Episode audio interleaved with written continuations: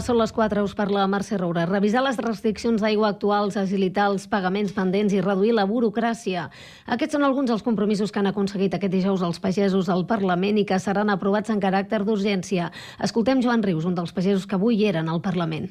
No pot ser que ens tallin el 50% de l'aigua per la ramaderia. La ramaderia és, el, és on produïm el menjar, igual que l'agricultura, vull dir, som una peça fundamental de la societat. Sense nosaltres no, podem, no hi ha menjar. Per tant, eh, el primer punt ens centraríem en aquest, eh, es comprometen a revisar les restriccions d'aigua, és a dir, reconstruir una mica les, les, les restriccions o les uh, aplicacions que es volen fer. Mentre això no passi, asseguren que mantindran les mobilitzacions. I primer dia avui el, servei de la nova línia de Rodalies que comunica Lleida amb Cervera i que permet duplicar el servei, la línia RL3. Avui la consellera de Territori Esther Capella ha estrenat al matí amb aquest nou trajecte. La qualitat de vida dels ciutadans i ciutadanes d'aquest país passa per garantir un dret que és bàsic i essencial, que és l'accessibilitat, que és la mobilitat, que a més genera igualtat efectiva i equitat, equitat territorial, però també entre les ciutadanes i els ciutadans. Aquesta garantia de drets és, el, és un dels eixos principals del Departament de Territori. I per cert, no deixem de parlar de Renfa perquè demà hi ha convocada una vaga als serveis de rodalies de l'AVE i mitjana distància. El Departament d'Empresa i Treball ha dictat uns serveis mínims del 66% en hora punta i del 33% durant la resta del dia per aquesta vaga convocada.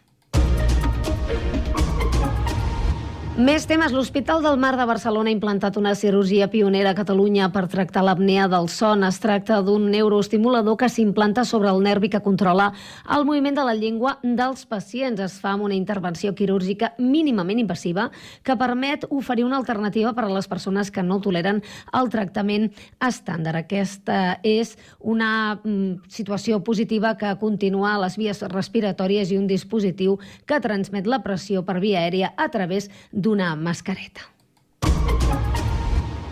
I un darrer apunt ja, perquè avui és dijous gras, treta sortida del Carnaval, dijous gras o dijous llarder, com també es diu, primer dia de tota una setmana farcida d'activitats a pobles i ciutats marcades per les disfresses i la disbauxa, unes festes que s'acabaran, com és tradicional, amb el dimecres de cendre. I avui, per tradició, ja sabeu, toca menjar truita, botifarra d'ou i coca de llardons.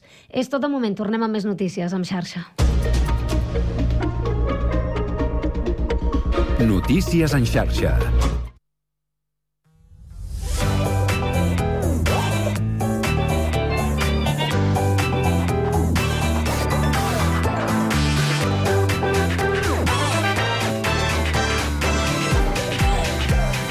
Connectats amb Carme Reversa.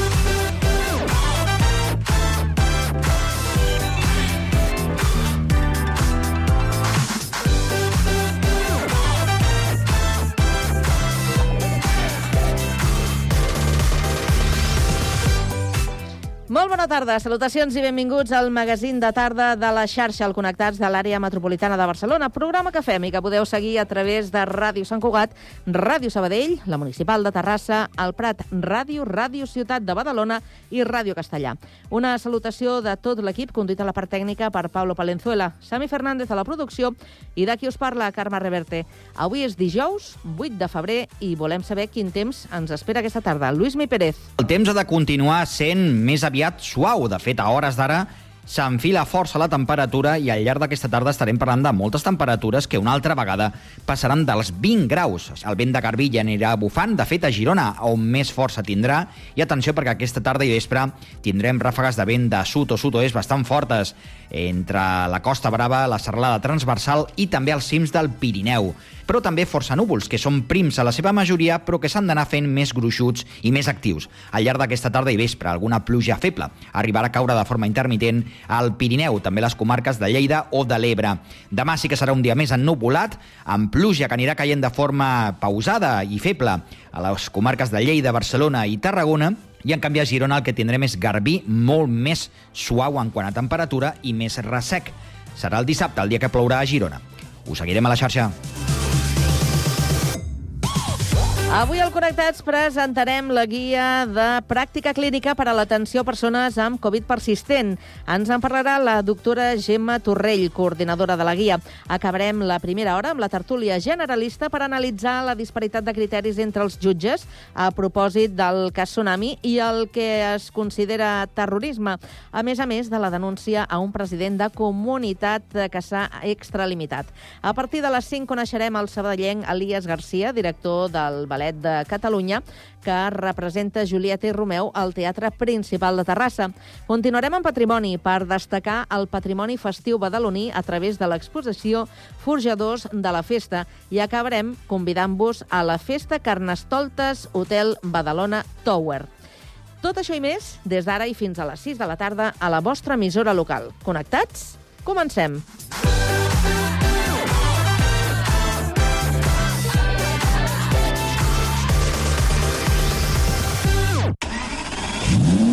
El Connectats del Dia Mundial de la Ràdio se'n va a Castellar del Vallès. Dimecres 14 de febrer, especial Connectats en directe, amb convidats radiofònics i música i públic en directe. Celebra el centenari de la ràdio amb nosaltres i segueix-nos per qualsevol de les emissores del Connectats. Ràdio Castellà, 90.1 de la FM. El Prat Ràdio, 91.6 de la FM. Ràdio Ciutat de Badalona, 94.4 de la FM. Ràdio Sabadell, 94.6 de la FM. Ràdio Municipal de Terrassa, el 95.2 de la FM. Ràdio Sant Cugat Cugat Mèdia, 91.5 FM. 4 i 3 minuts. Comença el Connectats del Dia Mundial de la Ràdio.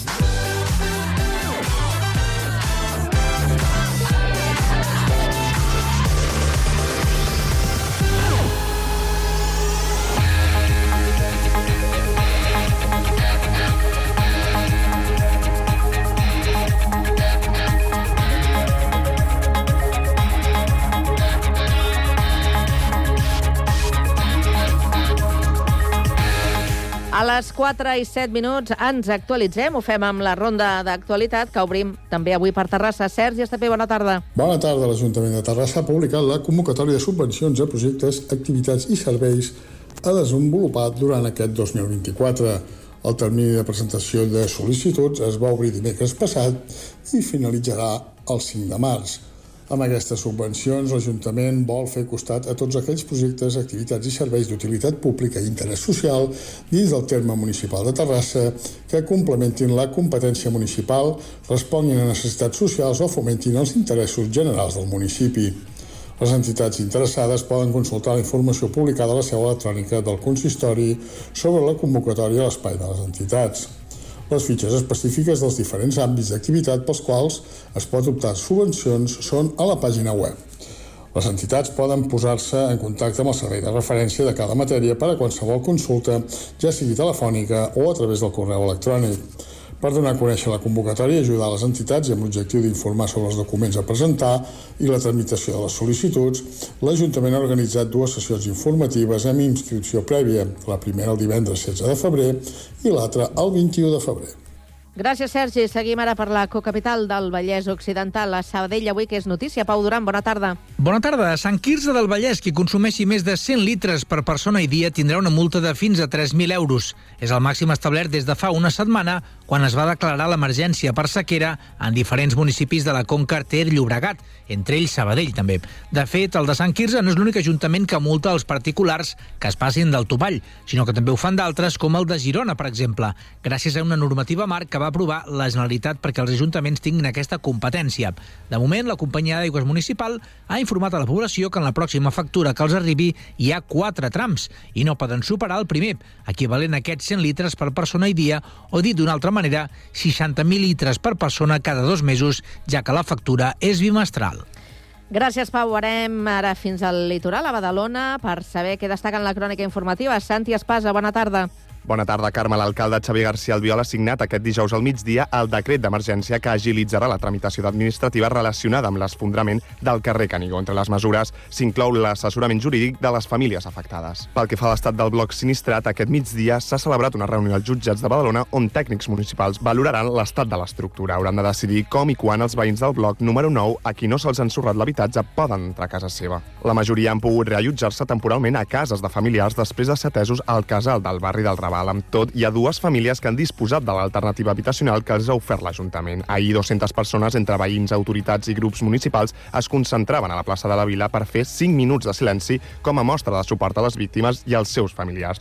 Des d'allà, l'Albiol ha recordat el compromís de la ciutat amb les famílies afectades i ha garantit el suport habitacional i jurídic per part de l'Ajuntament. Escoltem García Albiol. Signaré un decret eh, per poder doncs, dur a terme accions d'urgència i poder atendre des d'un punt de vista de l'habitatge provisionalment durant unes setmanes a qui li faci falta i també doncs, oferir un servei que, que crec que és important, que no ens pertoca, però que, que penso que és necessari, que és el contractar un servei jurídic, uns advocats, perquè atengui aquestes famílies Recordem que ahir l'alcalde apuntava que una de les hipòtesis inicials serien les mancances estructurals a la taulada. Gràcies, Santi. No deixem el litoral i encara en aquest espai, des del Prat de Llobregat, ens informa Jonathan Marín. Bona tarda. Avui arrenca el Carnaval de l'Avarícia al Prat tot una setmana per deixar-se emportar per la disbauxa i amassar fortuna. Com és tradició, el tret de sortida ha estat amb el dijous gras, amb la truita com a protagonista. Des de primera hora del matí, al Mercat Municipal ha tingut lloc el concurs de truites, un certamen que permet a la ciutadania veure i tastar la truita de totes les maneres possibles. Però la cosa no queda aquí, perquè aquesta tarda a les 5 té lloc la truitada popular als Jardins de la Pau i a les 6 es farà la primera processó amb el ninot de Carnestoltes. El punt final d'aquest primer dia de Carnaval serà amb el pregó d'inici i la inauguració de la plaça de l'Avarícia a les 7 de la tarda.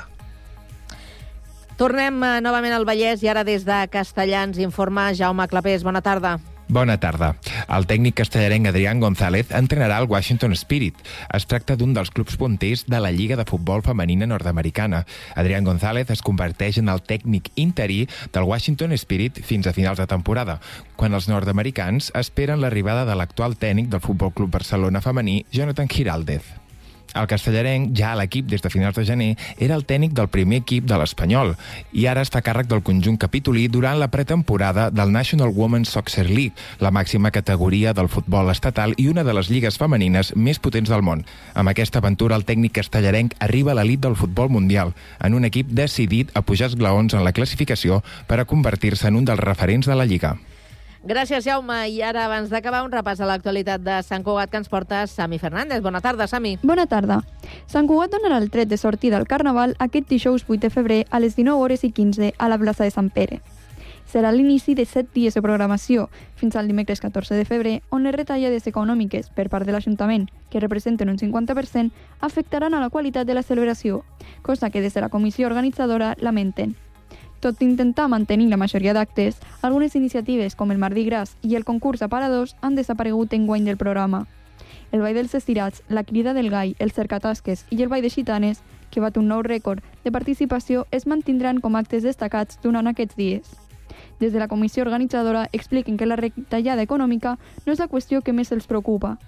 I és que, segons lamenta Eva Navarro, membre de l'entitat, el problema és la manca de suport. Sí, hi ha hagut retallades, és veritat. Retallades del 50%, o sigui que no és poca cosa. Però què passa? Que la gent que fem el Carnaval ens estimem molt el Carnaval. I volem que el poble segueixi fent Carnaval. O sigui, és un tema de tossuderia de les fortes. De manera que hem retallat en qualitat, no hem retallat en quantitat. O sigui, hi haurà una rua sense músics en directe, sense il·luminació, hi haurà un cercatasques sense música en directe, no hi haurà botifarra d'ou per les persones, no hi haurà brou el dia de gitanes, no és un tema només de diners, és un tema de suport. El que no rebaixa ni en qualitat ni en quantitat és el Ball de Gitanes, que marcarà un nou rècord de participació amb 81 quadres i 648 persones inscrites, 120 més que el 2023.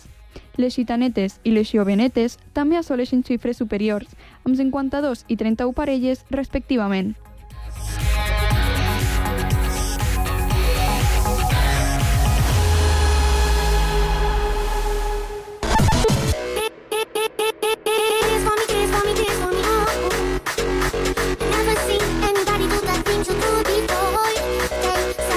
Connectats, una experiència radiofònica a Sabadell, Terrassa, Sant Cugat, El Prat, Castellà i Badalona.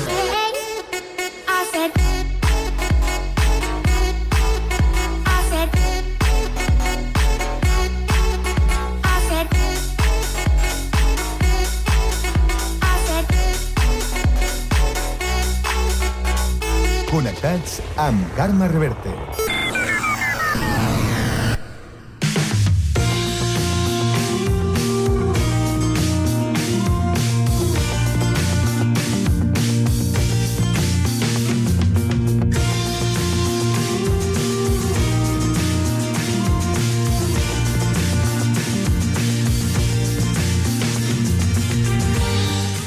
Recentment s'ha publicat la guia de pràctica clínica per a l'atenció a persones amb Covid persistent, en la qual hi han participat eh, professionals de la medicina i també afectats.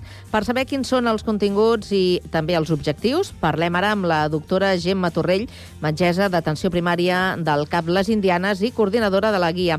Molt bona tarda, doctora. Hola, bona tarda. També ens acompanya el nostre company Sergi Estapé. Bona tarda, Sergi. Hola, bona tarda. Bé, d'entrada mm, ens agradaria saber d'on parteix aquesta iniciativa, com sorgeix la possibilitat de fer aquesta guia. Bé, doncs la, la iniciativa és un encàrrec de la revista Formació Mèdica Continuada que fan a mi per realitzar la guia de pràctica clínica que ells fan monogràfics sobre determinades malalties per, pels professionals d'atenció primària. Llavors, eh, a partir d'aquí, no, doncs jo penso en, en quines serien les unes, les millors maneres no, de, de donar la informació que tenim sobre la Covid persistent pels professionals, però també incloent la mirada de les persones afectades, que crec que enriqueix molt més no, el contingut d'aquesta guia. Perquè aquesta guia està eh, pensada, és a dir, s'adreça als professionals o s'adreça també als pacients? S'adreça inicialment als professionals. De fet, la idea d'incorporar els pacients és com per eh, generar una mica més d'empatia no? amb el relat dels pacients respecte a aquesta malaltia. Per això partim també no? d'una narració d'un pacient, no? que en aquest, aspecte, en aquest cas és l'Arnau Busquets, que participa en l'elaboració de la guia i que generosament no? ens va fer ens va deixar eh, tenir el seu relat no? I, i que el vam poder explicar en la guia com part donar un fil conductor a tota aquesta informació. I, doctora, quin seria el principal objectiu d'aquesta guia? Eh, l'objectiu és recopilar la informació disponible pels professionals d'atenció primària sobre la malaltia de la Covid persistent doncs, fins a dia d'avui, més o menys, eh, sobre com fer el maneig dels símptomes i les, i les derivacions necessàries, descartar símptomes d'alarma, etc. I sobretot també ampliar una mica més la mirada en quin impacte té la malaltia en l'entorn de les persones afectades, tant a nivell laboral com a nivell eh, familiar, relacional, i, i també fins i tot socioeconòmic, i, i conèixer també quin és l'impacte de pertànyer a un col·lectiu i els beneficis no? doncs de poder eh, dir a les persones afectades que potser contactin amb els col·lectius que hi ha vigents per poder tenir més suport. Mm. Doctora, què tal? Bona tarda. Uh, una pregunta. Com, com s'ha elaborat, no? a part de, del, del testimoni d'aquest uh, de, de, de, de l'Arnau, com deia, què, què més, com, com, no sé com s'ha arribat a, a configurar aquesta guia? Bé, de fet, eh, en aquest aspecte vam fer unes reunions preliminars no?, per veure entre totes les persones eh, que, que, que hi participen, no? la Sílvia Soler, l'Esperança Martín, l'Òscar Martínez no? i l'Arnau Busquets, de quines serien els temes, les temàtiques que podria ser interessant que els metges d'atenció primària coneguéssim en relació a la malaltia. Llavors, per això hi ha aquestes parts no, que tenen a veure potser més amb el que és l'experiència de les persones afectades, però també de la part clínica, no, de, de, de com s'hauria d'atendre i detectar la malaltia a, la, a les consultes, però també amb la mirada no, de les persones afectades, és a dir, quines coses els professionals no estem donant valor i potser n'hauríem de donar, no? i quines recomanacions podríem donar que no estem donant tampoc per conviure amb certs símptomes que ara per ara no tenen una, una, un tractament. Mm, es pot consultar en línia, no, doctora? A la guia es pot consultar, sí. Està a la web de la revista Formació Mèdica Continuada, però és una, que és una revista que és de, subscri de subscripció. Per tant, estan obert durant un temps petit, que són uns 50 dies. Mm -hmm. I, i bé, en la guia es diu que o sigui, el que es diu quan es va passar la nota de, de premsa que aquesta guia ja estava disponible, que s'ha de prendre com una aportació de dades, no? sense anar més enllà d'un raonament clínic o així, no? Bé, no, no és del tot exacte. El que pretenem no, és que no, no, les vies clíniques tenen un perill, no? i és que quan un diu quines coses podem fer per atendre una malaltia, per exemple, moltes vegades aquestes coses s'agafen com un recetari.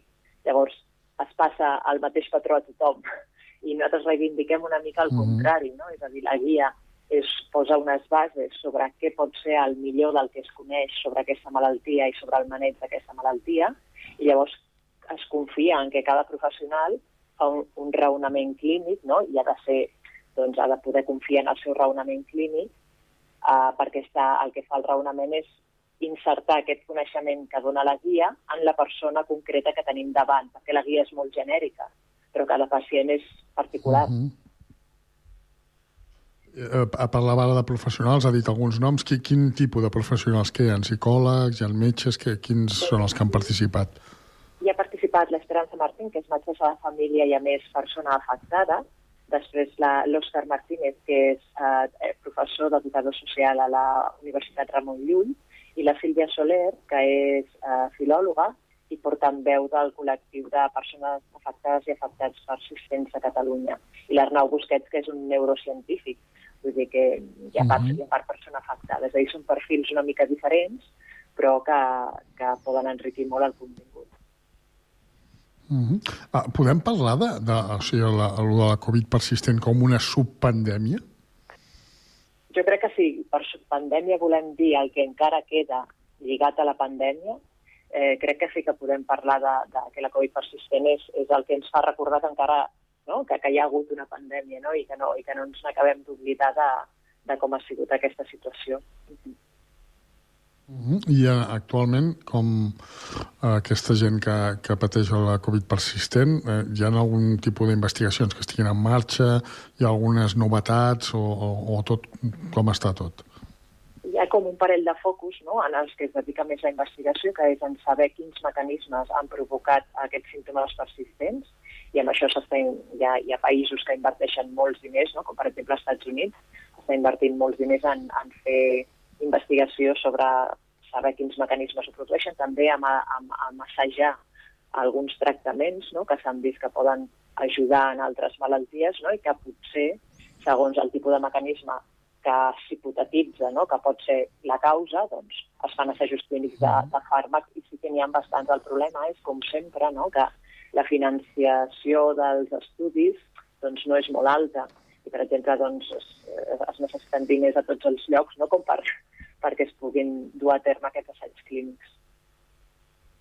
I per, per algú que ens estigui escoltant, que potser no és conscient o, o, o no sap que, que pot patir el, la Covid eh, persistent, qui, quins, quins símptomes, què sent, la persona o, o no sé si hi ha símptomes diversos o cada persona, tot depèn de, de cada persona, com més o menys com una persona pot pensar que, que pateix això?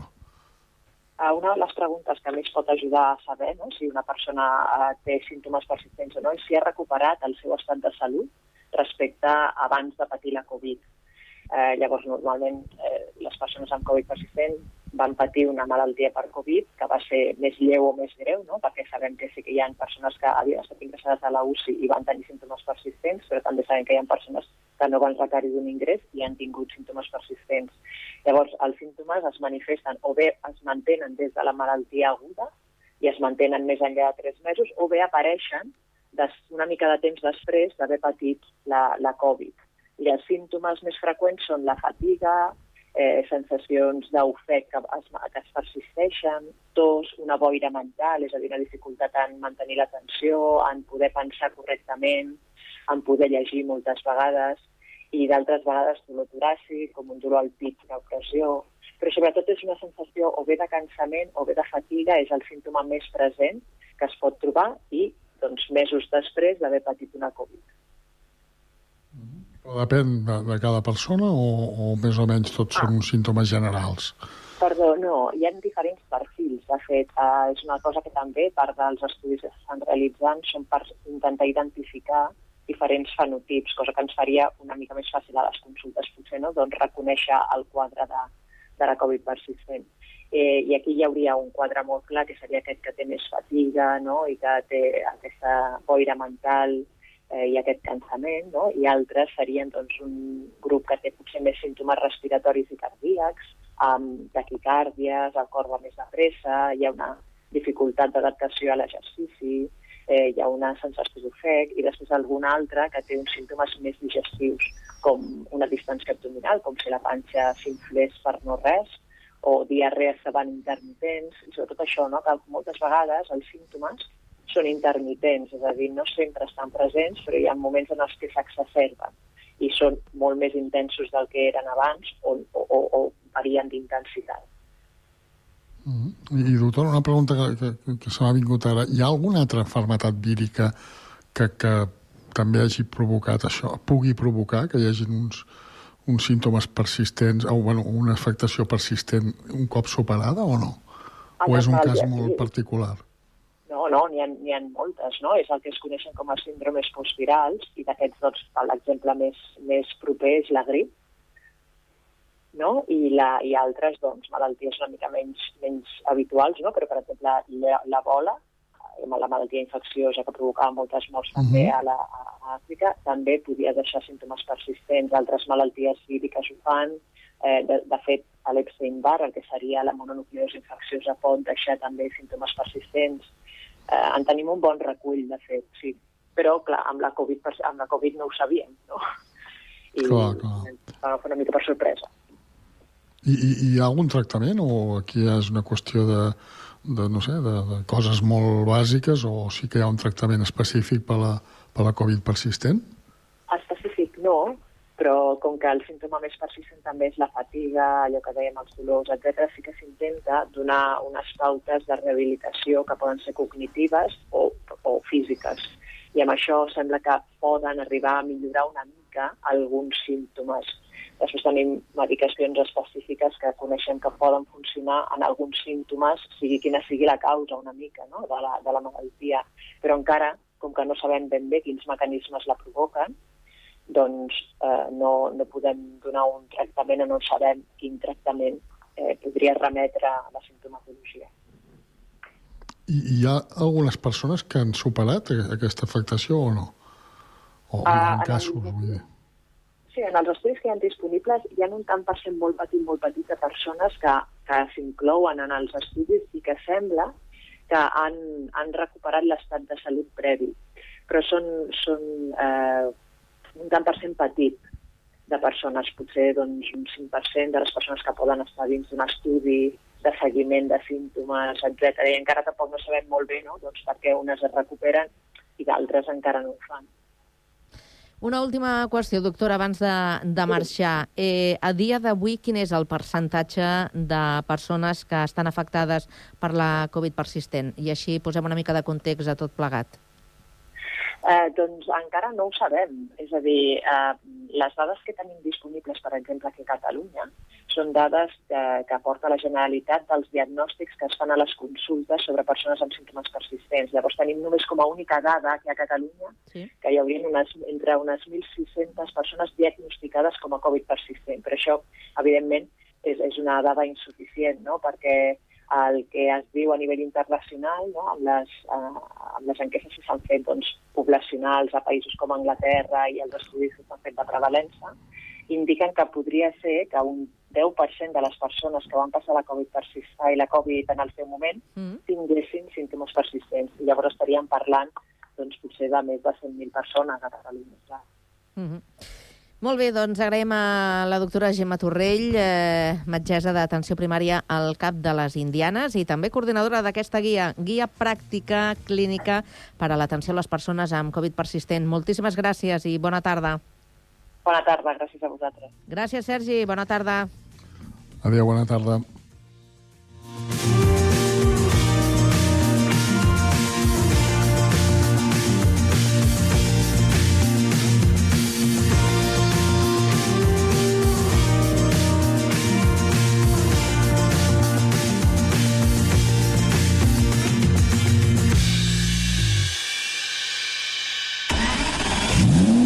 El Connectats del Dia Mundial de la Ràdio se'n va a Castellar del Vallès.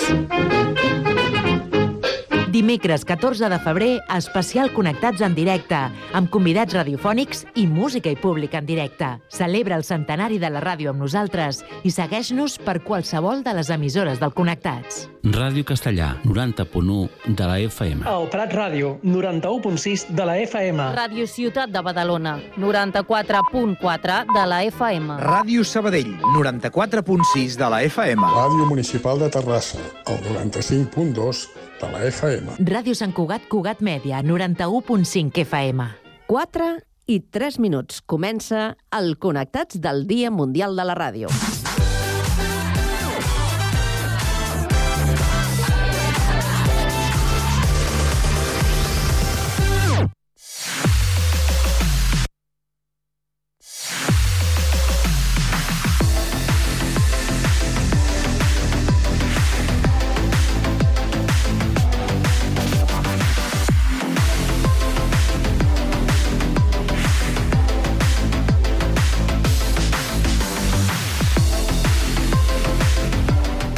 Minut de dos quarts de cinc de la tarda i ara obrim aquesta finestra a l'opinió, la tertúlia Tres Bandes, que avui la compartim amb el Manel Esteban, coach empresarial, expert en comercialització i gestió de vendes.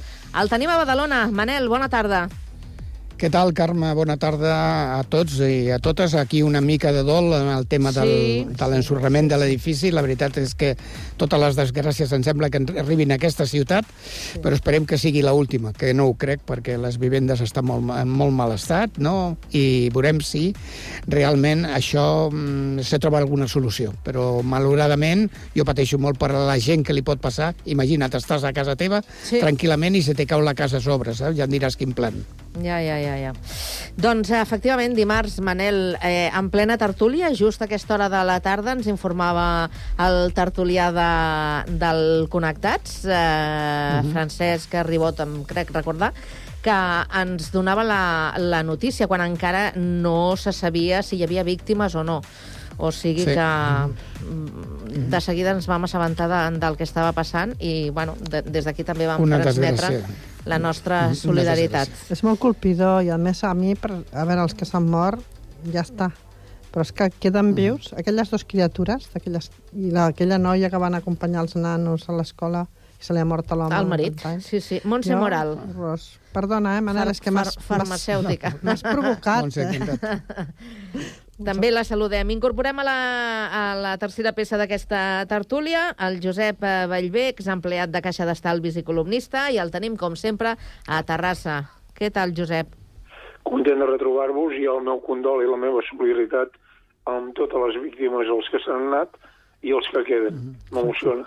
Sí, igual. Bé, doncs eh, seguim amb, la, amb el que teníem previst eh, avui a la tertúlia, parlar d'un parell de, de temes. Hi ha un que coeja de fa dies, ara sí, ara no, ara és blanc, ara és negre, ara diuen aquí, ara diuen allà.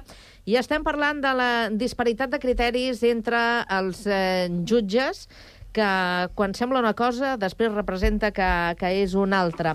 Ara sembla que eh, la Fiscalia del Tribunal Suprem veu indicis de terrorisme en la causa del tsunami democràtic i, per tant, reclama investigar Carles Puigdemont, Marta Rovira i Ruben Wagensberg, entre, entre altres. Eh, aquí la qüestió està eh, en definir exactament què és terrorisme o mm, si es tracta, que és la discussió que van tenir els eh, jutges, si es tracta de desordres agreujats.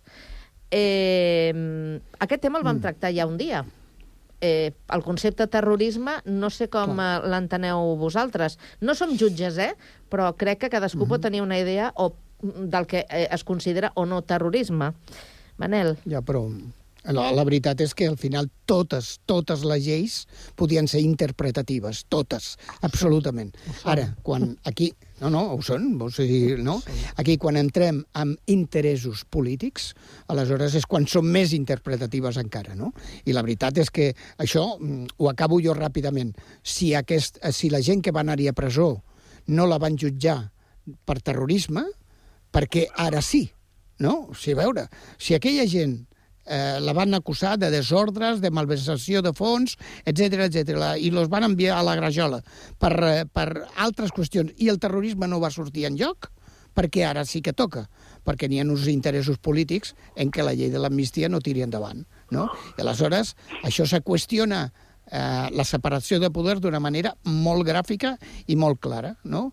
Al final, qui li posa el cascabel al gat? Pues aquest és el problema. No? Però bueno, la veritat és que eh, estem a la societat que estem, eh, eh, la dreta té molta força i molt poder i aleshores apretarà el que, eh, lo que considerin necessari per aconseguir que la eh, llei, per, per aconseguir que la pau en aquesta, en aquesta terra, en Catalunya, no sigui possible. Quan la, realment el que necessitem tots és arribar a una normalitat democràtica no? i que cada un pensi i manifesti les seves opinions polítiques de manera totalment oberta i sense cap tipus de trava. Molt bé, Manel. Mira, jo segueixo el teu fil. El que estem veient és una manipulació extrema de, guiada per uns interessos claríssimament polítics i, a més, amb una participació dels mitjans de comunicació que fan d'altaveu i llavors s'està... Pues, bueno, una, una llei que encara no està aprovada, avui acabo de vindre, abans de vindre aquí, també parlaven del Consejo de Viena, també han aprovat que se ponen en contra. Una cosa que encara no està aprovada. Llavors, clar, hi ha una manipulació mediàtica i ja està, bueno, fan un mal ús. Lamentablement, no hi ha separació de poders, sempre ho en sabíem, però és que ara s'està mm. evidenciant. I, I terrorisme, terrorisme és el que provoca terror, no? Terror i muerte, diria jo. Bueno, ho dic en castellà, que sembla més fort, no? Però, però bueno, una cosa és, una, és un... Allà no hi va haver morts. No, però és que és qualsevol manifest... I, i qualsevol digues, manifestació que hi hagi a partir d'ara, si això es considera terrorisme, qualsevol reivindicació que, tallin un carrer o el que sigui, aquests pobres pagesos que estan ara manifestant-se sí, sí. també els podrien acusar de terrorisme, Home, ja fotem, no? Clar, jo, si decantaria, jo decantaria la, la, la meva opinió, sí. discrepant una mica en el, el tema inicial de que la qüestió principal és definir què és terrorisme, Mm, no ho sé, lamento eh, canviar molt el xip. Crec que portem més de sis anys, més de sis anys, que no tenim un altre tema que aquest. Aleshores, eh, el problema quan, quan jo estava a la universitat, me'n recordo, havies de preparar un treball, havies de, de fer una tasca bibliotecària, i hi havia, no existia internet, ni molt menys. Avui en dia internet eh, és, és, són vídeos que, que els tens al segon la incoherència, la incoherència palesa del president Sánchez, que un dia diu blanc i l'endemà diu negre, que mai no pactaria, no, no l'amnistia totalment... Al final eh, és un tema que l'ha capgirat i està, està preso, està pres de les seves pròpies mentides. Amb sis anys, des de l'octubre del 17, ja no me'n remunto més enllà perquè hauríem, hauríem de retrocedir el rellotge quan... No, no cal perquè no ens donaria temps, eh? No, no, no, es va canviar, es, es va encarregar una sèrie d'articles de l'Estatut de Catalunya. Sí, senyor el Zapatero. Jo només plantejo una cosa a, a, a quatre mesos vista, menys de quatre mesos vista. Eleccions europees al juny.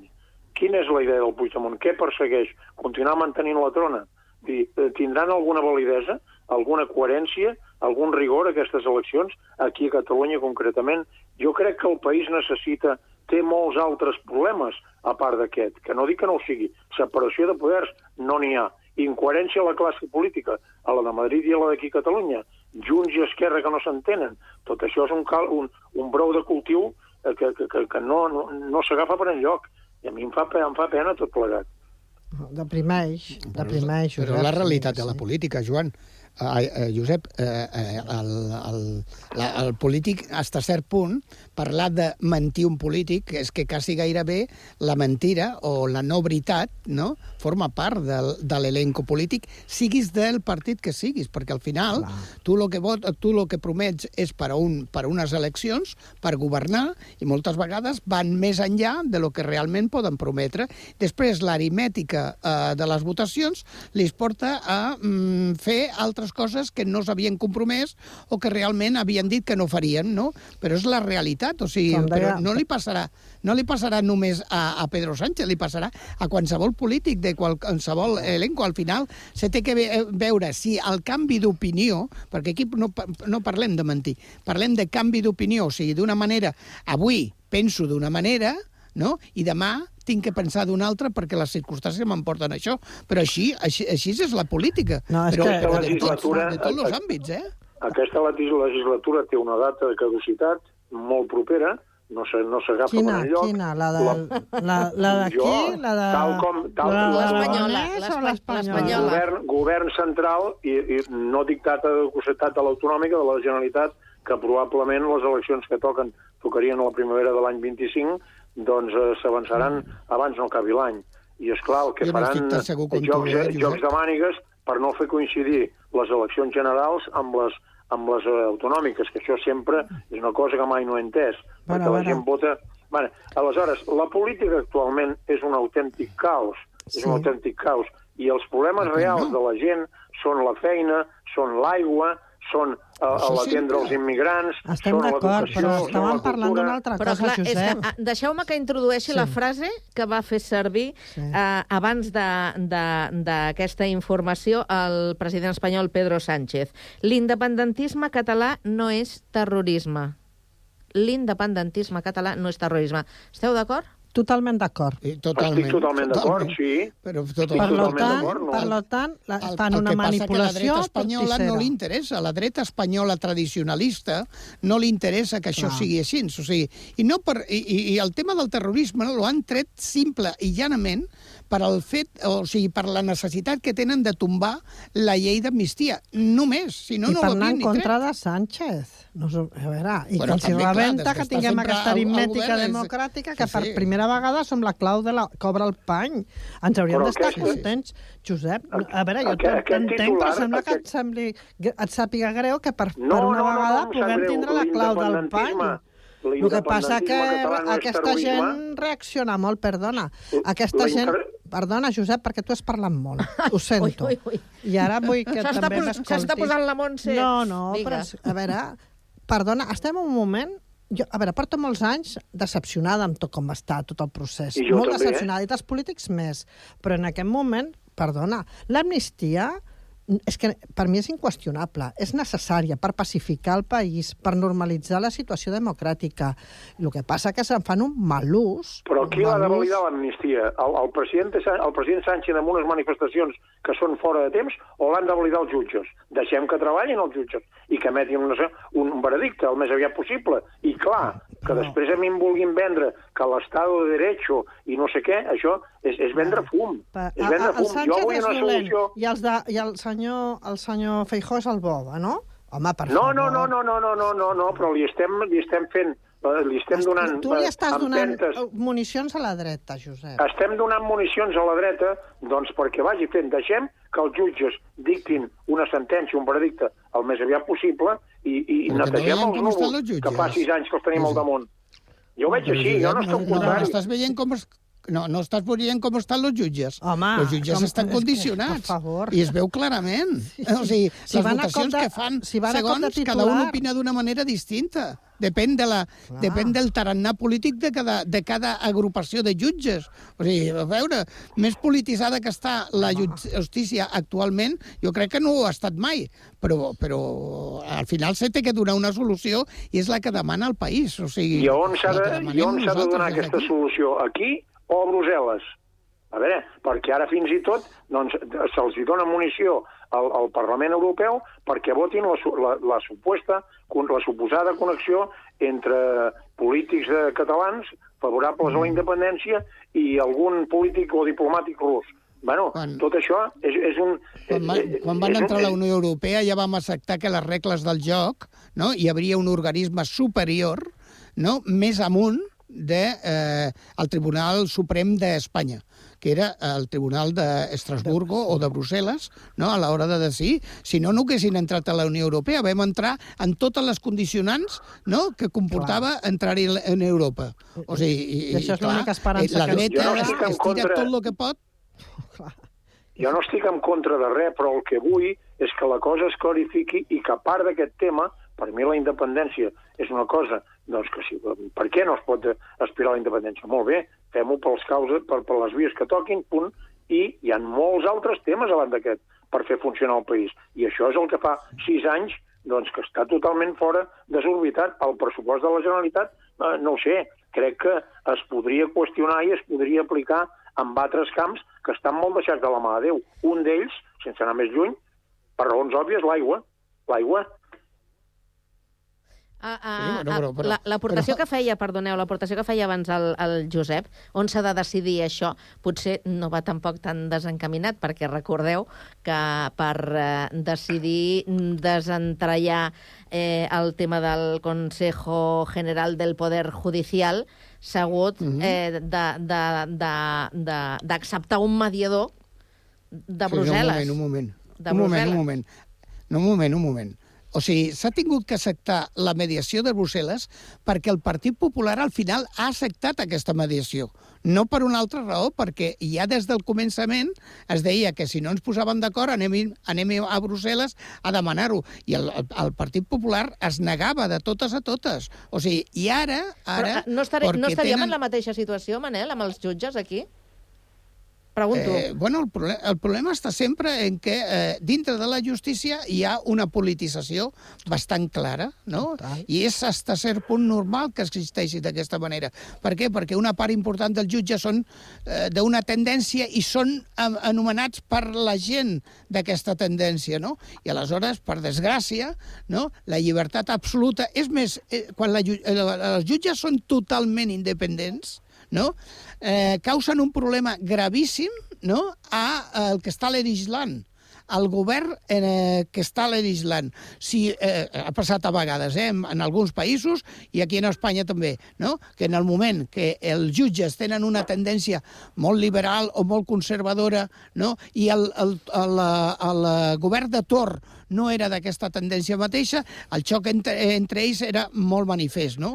Aleshores, eh, tenim que intentar que siguin els més lliures possibles a l'hora de fer. Sí, els jutges tindrien que ser-ho, però després està la seva pròpia interpretació de les lleis, que és el que un, veiem. un incís, un incís molt ràpid. Llegius avui un article de l'Albert Soler al periòdic i al diari de Girona que parla de botiflers i del terme de la fatxosfera que se l'ha inventat el president espanyol i crec que eh, posa bastant clar per on, per on van les coses. No m'estranya que en aquest periodista a casa seva doncs, ja hagin pintat la, la, la façana de casa seva un munt de vegades, perquè diu veritats com temples, al meu, al meu entendre, eh? tot el respecte.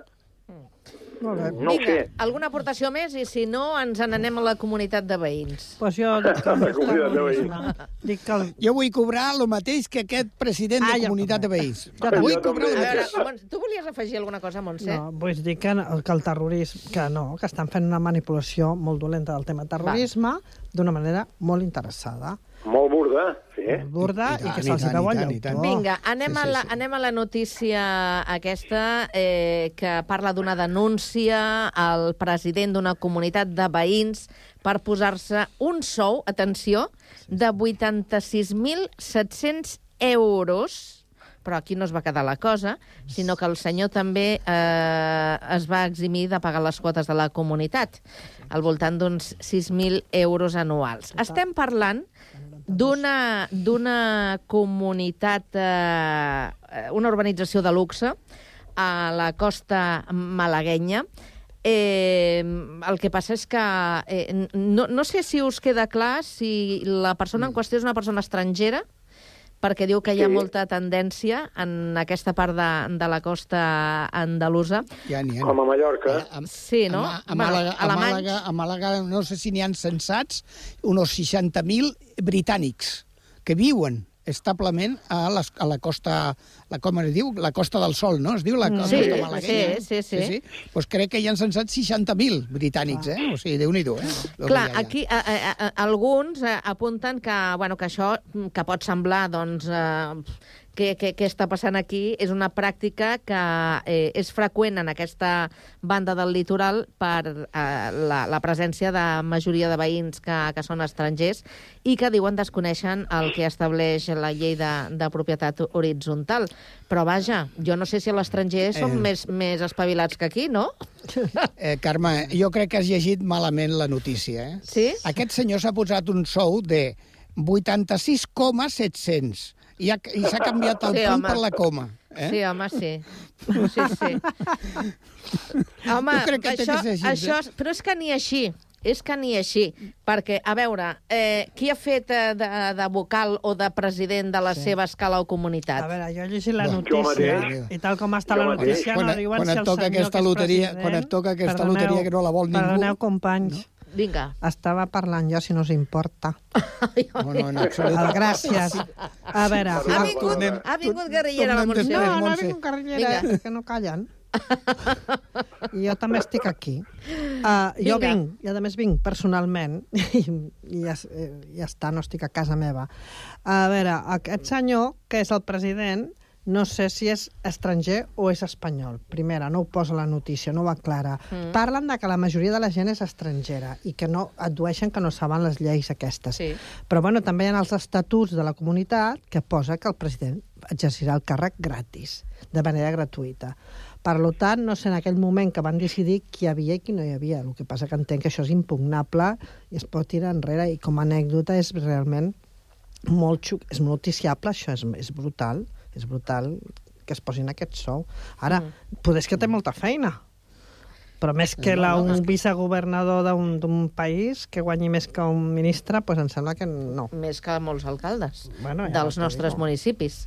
Clar. Manel, i després eh, Estem, Josep. és, eh, o sigui, jo estic segur que aquesta comunitat no és una comunitat de propietat vertical, no? sinó que és més eh, aviat de... Horitzontal. De, de, horitzontal, de, de torres de luxe, i, i jo suposo que la millor la gestió d'urbanitzacions d'aquest tipus eh, que a més pagaran unes quotes importants precisament, doncs a la millor, jo que sé, aquest senyor a la millor llegeix no solament de president, sinó que a la millor és abogat o defensa els interessos d'aquesta comunitat i a la millor treballa el 100% del seu temps no, per gestionar que aquesta comunitat negoci, jo que sé, en l'Ajuntament de Tor per pagar menys IBI o, o que li arreglin les, els carrers o les clavegueres de manera que entri dintre els pressupostos municipals, etc etc. A la millor, si ho fa també, també, també, i té que dedicar el temps complet a la gestió d'aquesta comunitat, que, eh, insistim, és una comunitat de luxe que s'hi pot permetre, eh, mm, mai di, eh, aunque so- soni reiterant, de, se poden permetre aquest luxe, no? pues aleshores 86.000 euros eh, per a un director de qualsevol empresa no és tampoc qualsevol... Eh, no és cap, cap cosa de l'altre món. Una altra cosa és que aquest senyor cobri 86.700 euros per no fer res, no? simplement eh, no gestionar res, però si dedica Manel, Manel, la seva jo no- totalitat del temps, doncs a la millor podia ser... Sí, no, no li tindrien que dir president de la comunitat, eh? o sigui, d'entrada ja no. Tindrien que dir el senyor gestor contractat per los veïns d'aquesta urbanització per gestionar les seves coses, no ho sé. Sí, però... Eh, no això conec- la no targeta conec de visita comunitat- quedaria per no davant i per darrere. comunitat de propietaris que, que paguin un promig mensual de 500 euros de despeses per, per tota la, la feina que se'ls hi pugui fer, de neteja, d'assegurances, etc etc etc.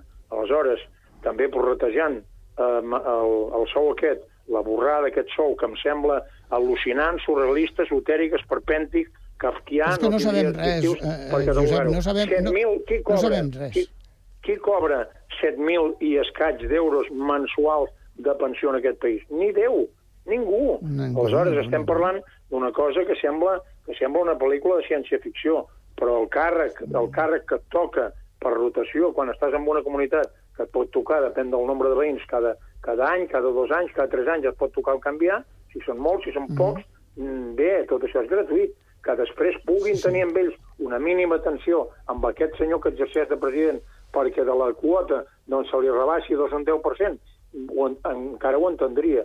Però tal com ha dit, tal com ha dit la Montse, en els propis estatuts d'aquesta comunitat posa que, que tot això és, és, és, és, és de franc. Mm, no sé, eh, això em fa riure a mi.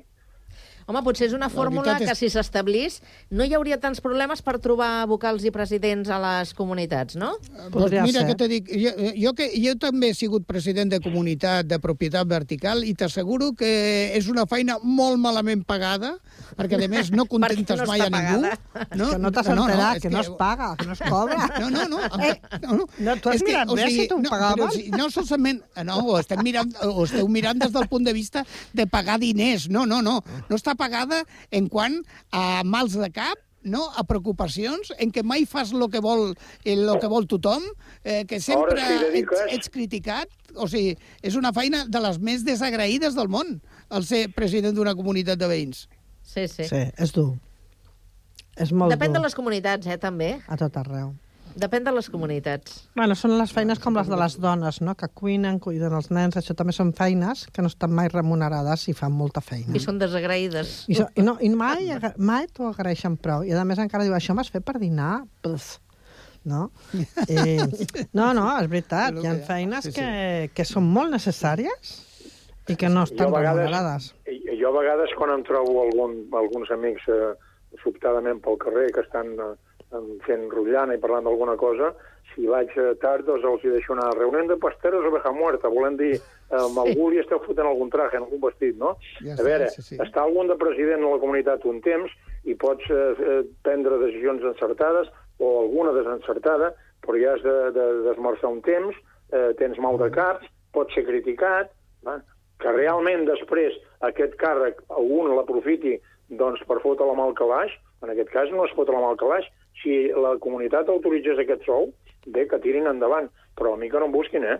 I Jo no Primera, que jo no viuré, ni podré viure en una No, comunitat on, on pagui mensualment 500 euros de despeses de despeses de gestió pel que em fan, el que, el que m'aporta. No es donarà el cas.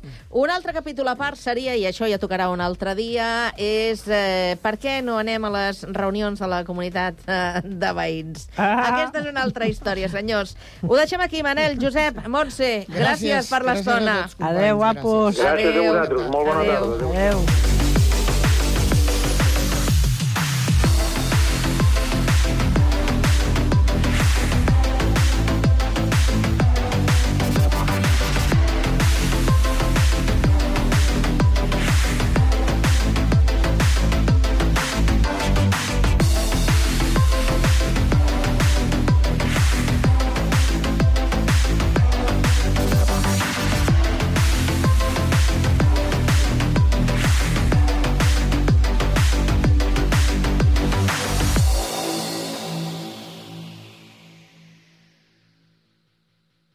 La música local a Ràdio Sant Cugat. It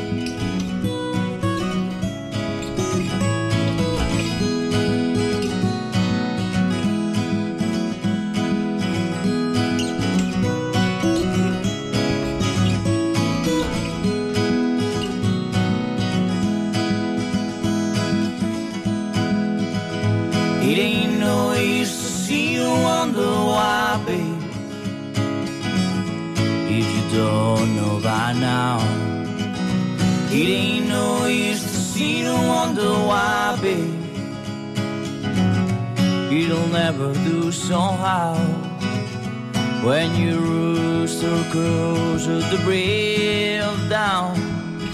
Look out your window now, be gone. You're the reason I'm traveling on. Don't think twice, it's alright. It ain't no use in turning on your light, babe.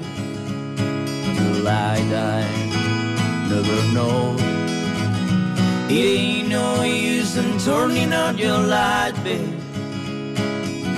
I'm on the dark side of the road. Still I wish there was something you do or say To try and make me change my mind stay We never did too much talking anyway Don't think twice, it's alright.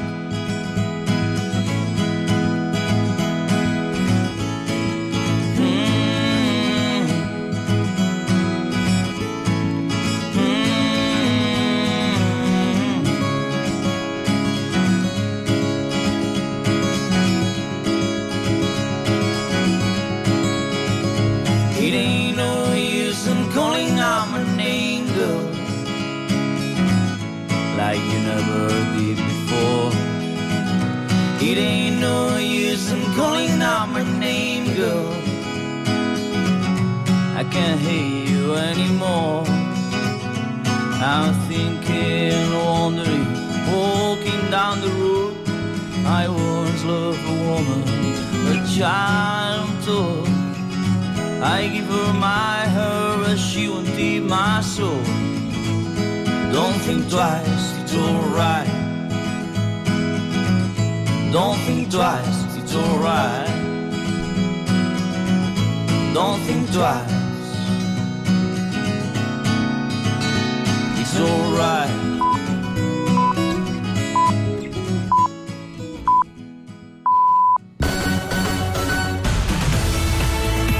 Ràdio